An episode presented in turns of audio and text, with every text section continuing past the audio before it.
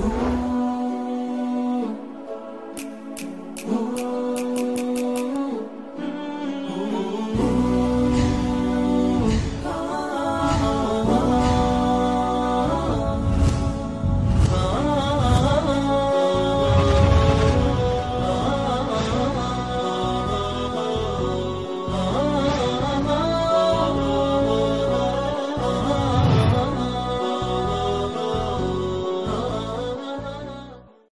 Bismi illaahi raxmaan raxiim alxamdu lilaahi rabbi alcaalamiin wasalaatu wasalaamu calaa rasuuli illaah amaa bacd assalaamu calaykum waraxmat ullaahi wabarakaatu daawadayaal ku soo dhowaada barnaamijkeennii aan ugu magac darnay sidaan ku soo haleelay hanuunka. Haakada htadaytu barnaamijkaas oo ah barnaamij aan ku wareysanaynay xubno ka tirsan jamaacata asaaducuuna bilxaq. Barnaamijka waxaa marti noogu ah shee cali ciise. Shee cali soo dhowow cali ciise cabdi wuxuu ku dhashay magaalada jigjiga kun sagaal boqol konton iyo sideedii kadib wuxuu u soo wareegay magaalada muqdisho halkaas ayuu ku barbaaray qur'aanka ku bartay waxbarashadiisi ilaa dugsi sare ku dhammaystay. Wixii ka dambeeyey wuxuu ahaa ganacsade. Shee cali mar kale soo dhowow ilaahay subxaanahu watacaala hanuun ayuu ku siiyey. Hanuunkaas oo kitaabkiisa kugu hanuuniyey waxaa ka horeeyey nolol kale marka inaad noo suureyso noloshaas iyo meesha aad ku nooleed bii-adii sida ay ahayd in aad macnaha noo soo suureyso insha allah bismi illaahi araxmaan araxiim alxamdu lilaahi rabbi alcaalamiin wsala allahu wasalam calaa sayidina muxamedin wacalaa aalihi wasaxbihi wasalam ajmaciin allahuma hadinaa fi man hadayt. Dad hore waa mahadsan tahay. Sida aada u sheegtay waxaan ku dhashay magaalada jigjiga. Anoo nin aada u yar ayaan ka soo laiga soo wareejiyey magaalada muqdishoa lay keenay iyadaan noloshaydii inteeda badan ku soo dhammaystay. Haddee noloshaas muqdisho waxaan ka hadlayaa sidii xaaladdu ahayd dadkii markaa meesha joogay iyo sidii loo loo dhaqmayey dhalinyaradu waxaa ninka ugu fiican waa ninka waxbarta oo iskuulkiisa dhigta. Hadaf kale ma jirin wax aan ka fikirayna diin iyo qorshe iyo midna ma jirin waxaa keliya uun is iskuul baa lana geeyaa. Dugsigana waa tegi jirnay. Dugsiga isaga dee dhaqan baaba jiro oo ilaa maantaba taagan. Qofka marka dugsiga qur'aanka la geeyo hadduu iskuul waqtigiisa gaaro maalintaasaaba ugu dambeysa dugsiga. Macnaha qur'aanka wuxuuba ugu jiray mujtamaca meel laga qaangaaro laga weynaado. Maalintaasa dad dhifahood waalidkood ama ay hore qur'aan u soo mareen mooyaane.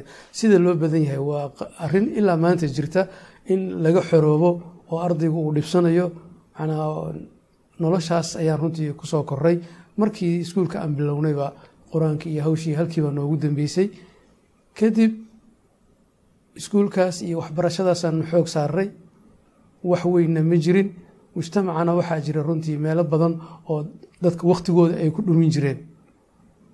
Iskuulka haddii laga soo baxo oo habeenkii wax akhris yar la sameeyo waxaa la sameyn jiray waxyaabaha maanta jiro oo kale oo runtii dee maantaaba ka horeysa oo ka badan laakiin waagaas dhowr meelood baa mujtamaca loo kala qeybiyey oo aada loogu mashquuliyey.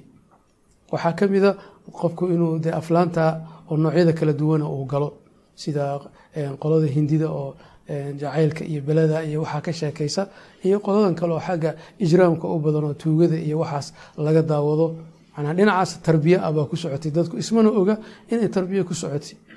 Qolo kale waxay u diyaarsatay tiyaatarkii golaha murtida iyo madadaalada. Magacaasa loo bixiyey in dadkii lagu mashquuliyo. Heeso heesihii kacaanka lagu ammaanayey heesihii jacaylka lagu sheegayey. Waxaasoo dhan baa loo sameeyey. Qofka marka wakhtigiisaba halkaasu ku mashquulinaya. Qolana banoonigii iyo howlahoodii baa loo sameeyey.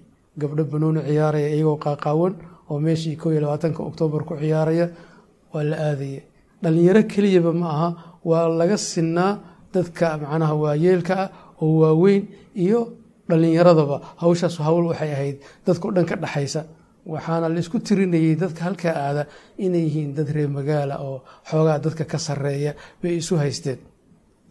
Magac diineedna runtii oo weyn ma jirin. Diinta wadanka ka jirta waxay ahayd diintan suufiyada iyo hawshooday ahayd koox yaroo fiqiileya oo fiqiga iyo sarfiga iyo naxwaha baratana waa jireen. Kuwaasina waxayan kuwa runtii nidaam laga shaqeeyo uu ku fulay oo cadowgu ka shaqeeyey. Waxaa laga dhigay dad aada u fog oo aan liita oo nololba aan qabsan karinba. Maxaa ninka diin u bambaxa wuxuu noqonayaa nin mashaqaysta nin aan wax kala baran. Marka waxaa wax u ururiya dadka dariska ayaa wax u ururiya. Marka nin dhallinyaro ah marna ku soo dhici mayso inuu dhinaca u soo jeesto uu diin iyo barto kuma soo dhacayso laakiin dhinaca kale inuu dibadda waxbarasho u aado iyo u aado ku jirtaa dhankaas aada ay ugu weynta inuu dibadda aado inuu Talyaaniga iyo- meeshii la aadi karo. Macnaha kelimad waxaa jirta la isticmaali jiro reer boorso. Hebel wuxuu helay boorso stuudio helay. Macnaha eh, minxa waxbarasho helay dibadda ka helay wey. Macnaha waana taasaana waalidkuna kugu qiimeynaya mujtamacuna kugu qiimeynaya qiimeyn kale. Haddaad xag diin u soo dhaqaaqdo wax aad meesha ka tahay maba jirtaba kacaankii baa yimid isaguna fasaadkiisa iyo dhibkiisuu la yimid oo dee wuxuu la yimid nidaamkii shuuciga ahaa buu la yimid oo wuxuu sharxayaa shuuciyadii iyo faa'iidadeedii iyo barwaaqadeeda. Waxaan xasuustaa macalin wax noo dhigi jiray baa maalin wuxuu aada u sharxay hanti wadaagga cilmi ku dhisan faa'iidadiisa. Markaasuu wuxuu ka dhigay sidii qof janno ku jiro oo kale wuxuu yidhi haddii wadaagga lagu guuleysto oo si fiican aynu u dhaqangelino mabaadidiisa eh, wax walba markaa ku dhawaaqdo iyagoo ordayay kuu imaanayaan. Annaga marka eh, fasalka ma hadli karo wiil yar oo noogu yaraa fasalka noogu yaraabaa aabihiis wuxuu ka tirsanaa wasaaradda waxbarashada. Ninkii baa farta taagay wuxuu yidhi macalin arrinta aad sheegaysid jannada maaha meel kale lagama heli karo buui jannada laga heli karaa macalinka wiilka waxba kama qaban karo. Maxaa yeelay madaxda sarsare ee wasaaradda ayuu ka tirsan yahay. Laakiin qof annaga naga mida intayada kale hadduu hadli lahaa qofkaas waa lala kici lahaa maxaa kacaanku ku hor yimid baa la oran lahaa. Kelimad baaba iska socotay qofkan waa kacaandiid mar haddii lagu yiraahdo waa kacaandiid khalaas waa ciqaabkaaga shuuciyadii inay barwaaqo tahay oo maaragtay loo sharxa macnaha dadka laga inay janno tahay baa la sharxayaa inay janno tahay. Maxaa yeelay afkaaga waxa ku kala qaada ama niyadaada ku soo dhaca baa helaysaa hadday si fiican inoo ku hergesho macnaha qorshahaasuu sharxaya mushkilada kaleoo jirto ay soo kordhisay awalba iyadoo dadku fasaadsanaa oo dhinaca shaneemo iyo bakti lagu mashquulinayey iyo wax kale lagu mashquulinayayba iyaduna waxay soo kordhisay ilxaad bay soo kordhisay. Waxaa la furay macad weyn oo macadka culumta siyaasadda la yiraahdo. Aasaaskiisa hore waxaa lagu bilaabay xarunta xalana lagu bilaabay. Macnaha ilxaadka lagu baranaya ilaahay ma jiraa la rabaa in dadkii la baro. Arrintaasaa laga sheekeynaya kadibna jaynaha yimid jaamacadda ayuu een, jaamacadda ummadda soomaaliyeed bu wuxuu ka siiyey farac weyn dhismo weyn oo ilaa hadda dhisan baa loo dhisay. Macnaha dadkaas in lagu baro awalba iyagoo la wareersanaa oon diin iyo midna fara ku haynin baa arrintan loogu sii daray baa loogu sii daray. Dadkii waa la sii wareeriyey waa sii wareeren dadkana inay wareeraan waa ku khasban yihiin. Maxaa yeelay wax ay wareerka kaga baxaan maba haystaanba way jiraan waa ka tirsanaa dadkaas mujtamacaasan ka mid ahayn oo hadba waxaas loo yeerinayo oo waxaas loo akhrinayo oo kacaanka loo ammaanayo intaasaa nolosha yaduba ahaydba. Maraad shaneemo geshid maraad een, waxaa dhegeysatid? Maraa waxbarasho ku mashquushay wax hadafa oo weyn oo aan lahayn ma jirto. Dhalinyaro isku duub kuwiina laala ekaa kuwii naga waaweynaa iyo da-du saddexda jiilo isku xiga waa isku isku shaqa weeye. Annaga iyo kuwii naga waaweynaa iyo kuwii naga yaryaraaba hadafkaygu intaasuu ahaa. Marka In- intaasaanu ku wareegeynay. Yani maadaama ay tahay wix meesha ka jiray oo wax kale oo lagu bedeshan aanba la haysan wax kaloo ama maaragtay eh, nolol kale aysan jirin. Nolol kale maba jirtaba. Macnaa diinna waa taa hadda aan kuu sheegay oo waxayba ahaydba dhowrkaas nin oo een, xerta la yiraahdo oo mujtamac waxay ka yihiin ka takooran. Dad masaakiina oo cuntadooda la qaaraamo ah diinna intaasaa laga joogay. Iyo gruub kaloo iyaguna waaweyn oo suufiye la yiraahdo meelaha ka xatreeya oo dee waxooda ku qaraabta meelaha xoolaha looga qalo.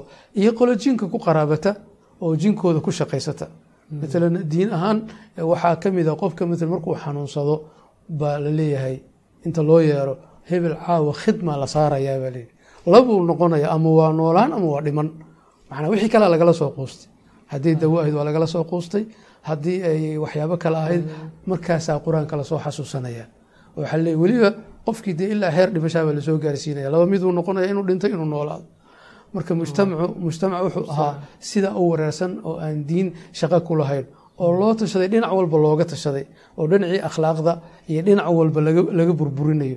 Isaguna aan ogeyn in la burburinayo ku faraxsan Nolosha uu ku nool yahay. nolosha uu ku faraxsan. maxaa le horena uma arag nolosha nolol ka duwan. Cid u sheegtayna ma jiro. Hadday xataa afraad diinta wax ka taqaan jiri lahaayeen iska faraha ku gabad bay ahaayeen. Niman banaanka u soo baxay oo ummadda wax u sheegaya ma maysan ahayn. Ha dadka wax la weydiinayana waxay ahayd nimankaa suufiyada xagga sharaa'icda iyo nidaamka waddanka ka jiray. Wuxuu ahaa nidaamkii talyaanigu ka tegey. Hadday shuciyo ahayd iyo hadday wax kale ahayd qawaaniinta wadanka lagu xukumo wuxuu ahaa qaynuunkii uu ka tegey Talyaaniga uu ka talyaanigu uu ka tegey. Iyo kii dhinacan kale ingiriisku ka tegey. Labadaasaa lagu shaqaynayay. Ilaa maanta oo aan joognana iyagaa lagu shaqeeya. shaqeeyaa wax kale diin iyo wax la iswaraysanayo diintana dee waaba sidaa aan sheegnay iswaraysi kale ma jirin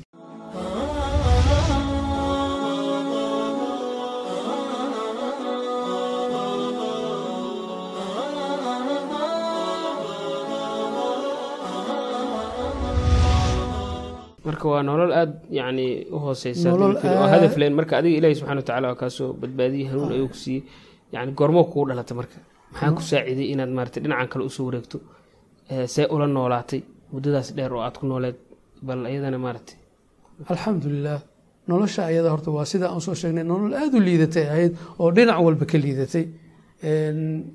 Waxaa ilaahay ii sabab iiga dhigay waxaan dhigin jiray iskuul la yihahda iskuul xamar oo tiyaatarka agtiisa ku yaalay masaajidka maqaamku waa noo dhowaa. Marmar aan xisado ku dahno galabley baan ahayn baan iskaga soo tugtukan jirnay. Habeenkii dambe anoo xaafadayda intaan ka masaajidka ku soo tukaday oo rabo inaan magaaladeeda hore u sii aado dhalinyarada dee waxaaba ilbaxnimadu ahayd qofku inuu galabtii isa soo xirxiro oo uu magaalada soo aado. Baan masaajidka ku tukaday nin dadka walaalaha ka mid ahaan jiray oo nin walaalaha hadda saadicunta ka mida la dhashay baa meesha igu arkay gacanta isoo qabtay cabaar buu ila hadlay wuxuu yidhi cali xagee u socotaa khayr baa meeshaan ka socda. Khayrkan ka soo qayb gal nin weynoo dee muxtaram uu ahaa alxamdulilah warkiisii baan yeelay sidii baan masaajidka ku imid. Habeenkaas aan meesha imaanayey suuratu axzaab buu sheekhu marayay meeshan nebiga lagula hadlaya calayhi salatu wasalaam yaa ayuha nabiyu qul liazwaajika in kuntuna turidna alxayaata addunya waziinataha fatacaalayna umatickunna usarixkunna saraaxan jamiila aayaddaasuu marayay adoo toddobaatan iyo afartii bilowgeedii meelahaasay ahayd. Habeenkaas sidaan u soo galay falilaahi alxamd sidii baan weli u dhex joogaa oo aan dadka uga tirsanahay oo aan dacwadii uga qeyb qaatay. Ilahina waxaan ka rajaynayaa dadkao dhan dhammaan iyo anigaba aayadahaasaa macnaha ku ta'tiiriyey oo markaas dee dhalinyaran iska ahaa taiir hadda aayad heer ay ta'iiriyaan ma gaarin laakiin waxaa igu saameyn badnaa markaan masaajidkii imid awal wadaadada waa ta aan hore uga soo sheekeynay dadka waxay ahaayeen laga cararayo oo in iyaga laga mid noqdo ay shay aada u dhib badan ahayd. Laakiin hadda markaan meeshii soo galay waxaan arkay dhalinyaradii weliba mujtamaca qeybihii ugu sarreeyey ardayda ahaa ama jaamiciyiin meeshii wada fadhiya oo sheekhii la wada dhegaysanayo waxaa aada saameynta weyn iigu lahaa dadkaas qoladii carabiga taqaana sheekha afkiisa bay qorayaan. Wixii afkiisa ka soo bax waa la qoraya. Qoladii aan carabiga aqoono soomaaligo markaa bilow ahaa taqaana soomaaligay ku qorayaan dadka intaa ka sii culusna sheekha afkiisa ma wada qori karaan waxay qorayaan kelimaadka ay is yiraahdaan waa idinku adag yihiin. Macnaha meeshii waa meel arday wax baranaysa. Iyo macalin wax baraya. Macnaa arrinta aada ii soo jiidatay waxay dadkan wada mashquulsan. Waxaana ilaahay igu sii gargaaray walaalihii meesha joogay markii aan soo galayba barnaamijkaygii baa la habeeyey. Shaqa la iga qabtay. Sheekhu casharun buu bixinayey laakiin dad baa tarbiya meesha uu fadhiyey tarbiyadii baa aan dhinac ka qaatay alxamdulilah ilaa anigu dhalinyaradii iyo asxaab aan ku yeeshay. Kadibna aan ka mid noqdayba dadkii iyagu waxwaday aan ka mid noqday. Howlihii ugu horreeya aan wax ka qabto iskuulkii aan dhiganayay xamar baa waxaan ka bilaabay tafsiirka ka bilaabay. Aan tafsiirka ka bilaabay. Alxamdulilah dad badan baa ilaahay naga siiyey oo ku soo xirmay fasalka. Marka haddee khayr badan baan meesha kala kulmay. Saameynteeda ugu weynna waxay ahayd mandarka meeshaa yaalay iyo juhdiga ay bixinayeen ardada. Hadda waxaad arkaysaa masaajid baa tafsiir laga akhrinayaa waxaad ninka akhrinayna waa iska barofesor wax akhrinaya. Inta kalena waa barofesoro kale oo dhegeysanaya saasaa loo wada fadhiyaa waa la dhegeysanaya keliya. Wax natiijo oo ka dhalanaya maba jirtaba. Laakiin meeshan shaqa ka socotay shaqadii baana ilaahay nagu garab qabtay.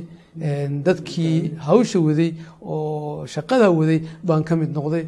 Dugsigaasna marka asxaabtaadii hore iyo noloshii hore iyo qaab see ahaa macnaha. Dhinacaas haddaad fiiriso asxaabta maadaama nin aada u yar aan ahaa asxaabtayda horena maba badnayn. Laakiin dadkii aan wada socon jirnay meeshii baan ku kala harnay. meeshii baan ku kala harnay. Noloshii mugdiga ahayd oo aan ku jiray oo aan wax hadafa lahayn oo wax ujeeddo aan lahayn de ninkii shalay soo galay maanta inuu mas'uuliyad isa saaro oo uu cashar akhriyo. Waxyaabaha runtii aada madaxayga marka aan xasuusto aan idhahdo war hadda see wax kaa yihiin? Maxna waan soo galay waa jooga cashar baan akhrinaya. Dugsiyadii meelaha laga waday baan wax ka akhrinaya. Dugsigii uu sheekh cismaan ka sheekeynayey ee howlwadaag ku yaalo sheekh maxamed uu keenay baan cashara ka bilaabay. Kuwo kaloo aan gadaal ka kiraynay baan wax ka bilaabay oo waxay waxyaalaha aan samayn jirnayn waxaa ka mid a kow. Horta iskuulaadka hadda muqdisho oo kale aan markaa saldhigi noo ahayd iskuulaadka xamar ku yaalla dugsi hoose iyo dugsi dhexe oo aanan dad ku lahayn inaysan jirin. Maalintaan bilownay arrintaas ayaa mashruuc aada u barakaysan uu noqday. Macnaheedana ay tahay niska saac oo fasaxa ah oo xisadaha u dhexeeyo ardada la soo fasaxo shaahi cabaan ayaa waxaan iskuul kasta waxaa laga akhri jiray tafsiir tafsiirkaas meesha laga akrinaya oo arday ardadii ka mid u akrinaya oo ardadii ficiisa ahay intay ka masayraan ay ku soo wada xoomi jireen. Shaqadaasaan toos u dhexgalay marka macnaha yani dacwa u soo baxday oo maadaama ilaah fahamku siiyey waxaanu ahayn dad dhalinyaro ah iyo kalgacaylka iyo jacaylka walaalaha. Qol yar baan deganaa nin adeerkay ah oo isoo koriyey baa sifo oo runtii aada u fiican lahaa wuxuu sameeyey. Qol buu dejiyey wuxuu yihi qolkaas niyahow nin weyn baa tahay keligaa baa reerkaagii nagala jooga isdabir. Cuntadan halkaa ka doona qolka adaa iskale nina kulama leh. Qolkii wuxuu noqday qolkii dacwadu noqday. Walaalaha intooda badan waa la garanaya qolka. Bondheer ku yaalaa qolkaasaan hawsheeda ku qabsan hawshaada ku wadatay maanaa dacwadii iyo maaratay maadaama ilaahi subxana wa tacaala wuxuu ku fahamsiiyey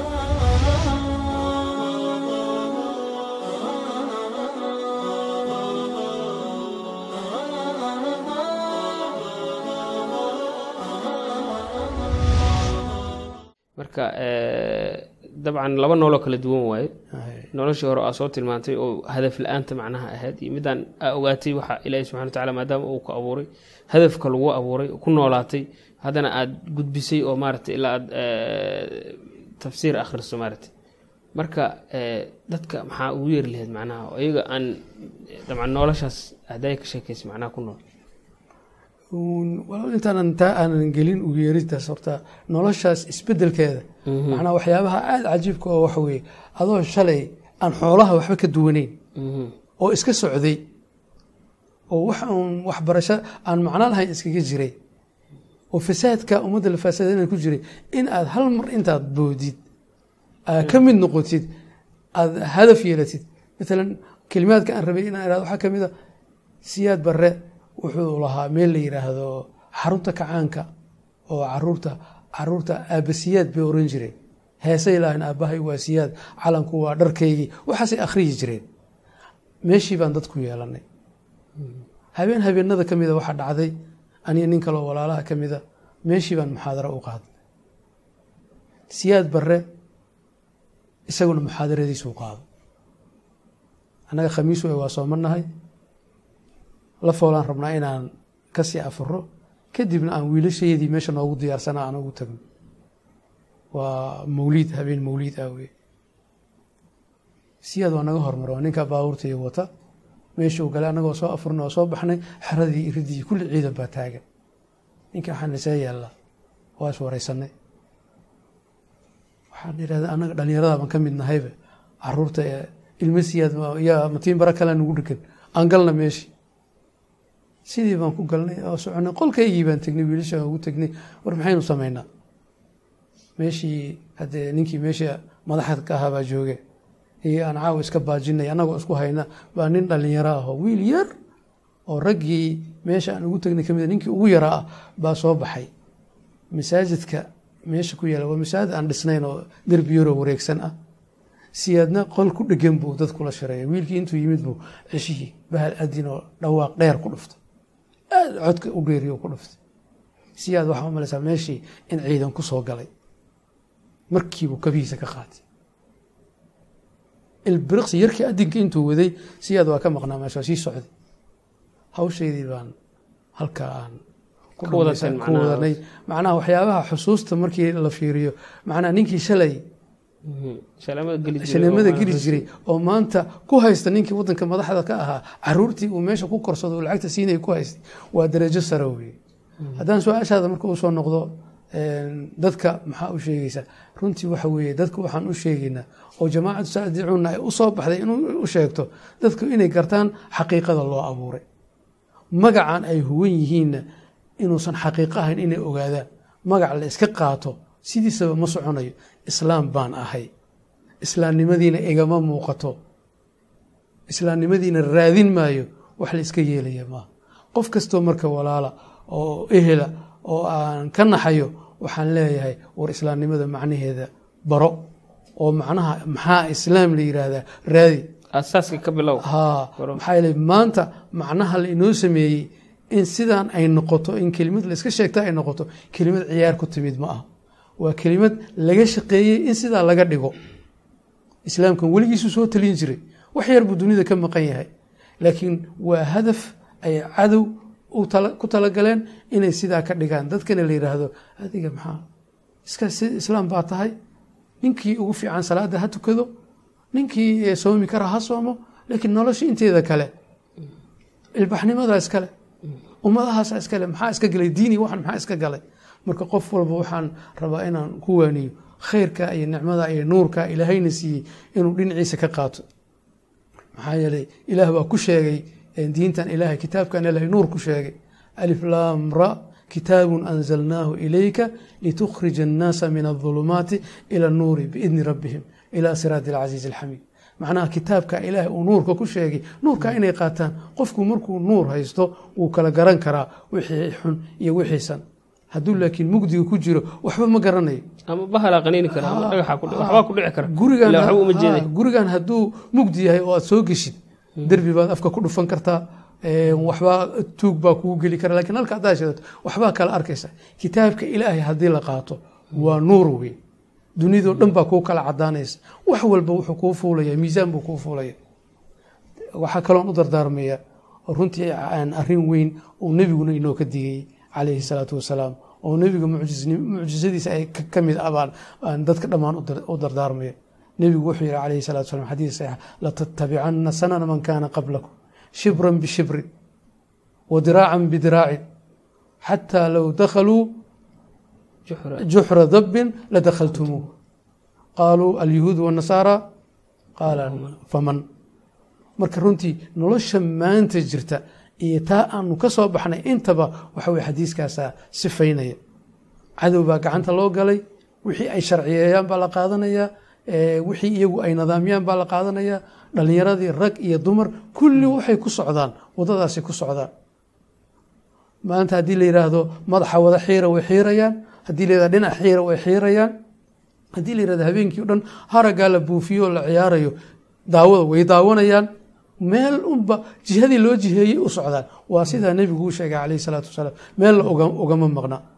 Naagihii waa saas oo kale dharkii maalin walba moodooyin baa loo samaynaya hadba dhinac baa laga qaawinaya xijaab baa yimid xijaabkii baa farsamo lagu samaynaya mar xabadka bir lagaga dhejiyo mar dhabarka lagaga dhejiyo dadkan waxay ku wada socdaan sharaa'ic iyo qawaaniin iyo nidaam ay u dejiyeen bay ku socdaan. Godkii nimankaasi ay ugu yeerayeen bay ku socdaan ilaa heer maanta ay marayaan. Inay badaha ugu dhammaadaan kalgacayl iyo jacayl ay u qabaan iyo xiisa ay u qabaan inay wadamadooda ku noolaadaan. Marka dadka waxaan u dardaarmaya qof walba inuu xisaabtamo. Wax aan la baran oo aan juhdi lagu bixinna lama helo.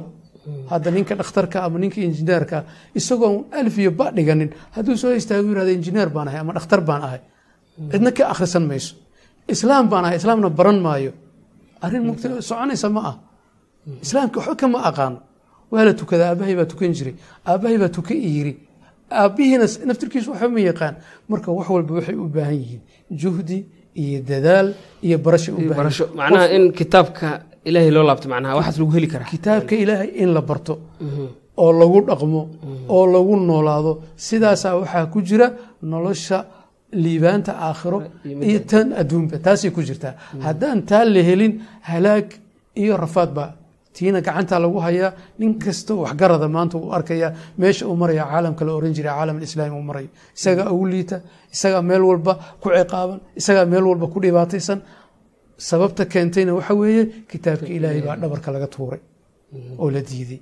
Marka haddii dadkan kitaabka loo soo laabto sharaftii loo soo laabay. Sharaftu waa soo noqonaysa ku jirto kitaabka ilaahi subxaana watacaala ilahina qur'aankiisa noogu sheegay laqad anzalnaa ilaykum kitaaban fiihi dikrikum afalaa tacqiluun macnaha qofka caqli leh caqligiisu waa inuu tusaa inuu kitaabka ilaahay u laabto. Si sharaf iyo cizo uu u helo intuu adduunyada ku nool yahay aakhirana uu naar uga badbaado. Marka intaasaa intaas. ugu yeeraysaa inta aan dadka ugu yeerayno waa intaas. Intaas qofkii helana taariikhdana waa la hayaa markay muslimiintu ay kitaabkooda ku dhegaanba gaal agtooda waxba kama ahaan jirin iyagaa ciziga iyo sharafta lahaan jiray. Quraysh markii ilaahay uu ku soo dejiyey kitaabkan ku soo dejiyeyna dad masaakiin oo reemihiya oo waxay ahaayeen islaaya sharaf bay yeesheen. Saadatul caalam bay noqdeen dunisdii oo dhan bay gacanta ku dhigeen. Maantana haddii la rabo nolol wanaagsan albaab kale ma furo aan kitaabka ilaahay ahayn iyo sunnadii nebiga caleyhi salaatu wasalaam. Jazaaka allahu khayran sheecali aad ayaa u mahadsan tahay daawadayaal idinkana aad ayaa u mahadsantihiin barnaamijkeenii martida uu noogu ahaa sheekh cali ciise halkaas ayaan ku soo gabagabeyneynaa. Wasalaamu calaykum waraxmatullaahi wabarakaatuh